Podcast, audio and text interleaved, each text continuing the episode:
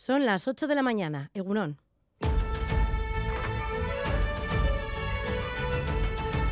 Crónica de Euskadi con Irache Martínez.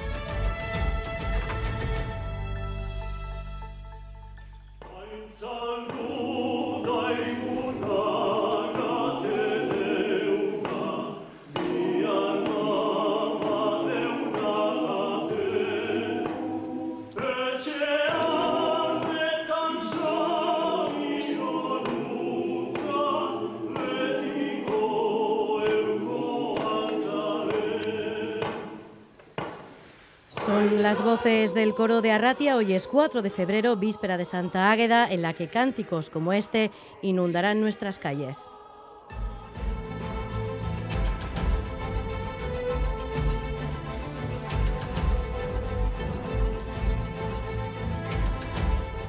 Hoy además es el Día Mundial de la Lucha contra el Cáncer. Se estima que en 2030 uno de cada tres hombres y una de cada tres mujeres habrán padecido esta enfermedad. Este año al mensaje de más investigación se suma el de mucha prevención.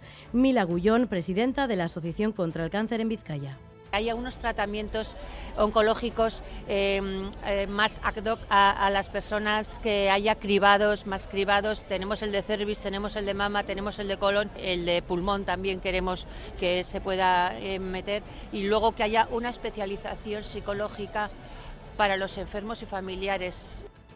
Y en clave política se calman las aguas entre el Gobierno vasco y el Gobierno central por la gestión de los fondos europeos, después de que el Endacari se mostrara molesto y criticara la falta de cogobernanza en este asunto al considerar que Euskadi no se le dejaba participar ni en el diseño ni en la gestión de los fondos. Ayer se reunía con la vicepresidenta primera, Nadia Calviño, un encuentro que se cerraba con un acuerdo que abarcaba media docena de compromisos que, según el Gobierno vasco, van en buena dirección. Horas antes del encuentro, la ministra en Boulevard de Radio Euskadi decía no entender el enfado del agua cuando se han transferido ya 850 millones y existe una cogobernanza entre los gobiernos los proyectos que ha ido proponiendo el Lendakari desde hace un año o más de un año se han ido encajando. Por eso yo decía, no entiendo el disgusto porque por nuestra parte eh, la voluntad de trabajar codo a codo con el gobierno vasco es una constante. Yo creo que la reunión ha sido absolutamente satisfactoria para lo que pueda ser una colaboración en una participación conjunta entre el gobierno vasco y el gobierno español a futuro.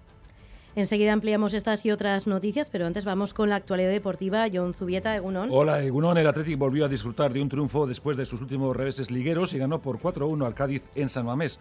Ollán Sancet firmó un partido estelar con tres goles, completó la goleada Geray y Yuri fue expulsado por doble amarilla en la segunda parte.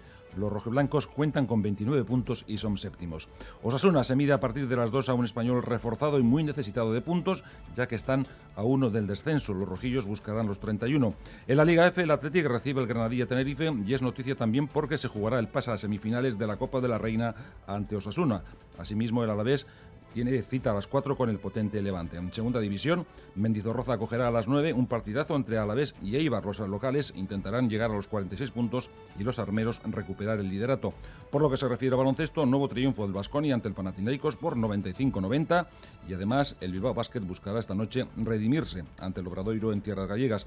Por último, en pelota, victoria por 22-16 de Zcurdia y Martija ante Urruticoechea y Alviso en Amorevita dentro del mano parejas y en balonmano triunfo del Vitasoa ante el Benidorm por 32-27 y empate 23 del Zuazo ante el Porriño.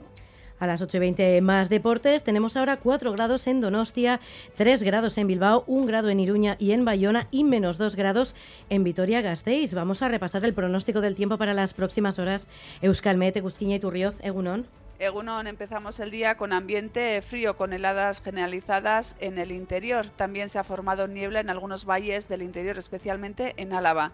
No obstante, tal como ocurrió ayer, durante la mañana predominará el ambiente soleado y poco a poco las temperaturas irán subiendo, aunque en las zonas donde hay niebla le costará levantar.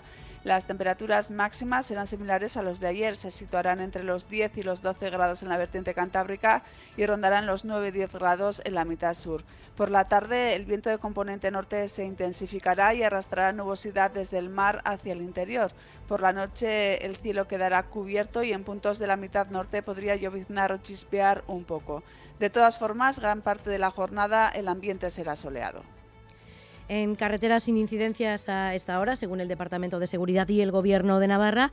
En el control técnico, Jorge Ibáñez, Jesús Malo y Esir Aparicio. Son las 8 y 5 minutos de la mañana. Comenzamos.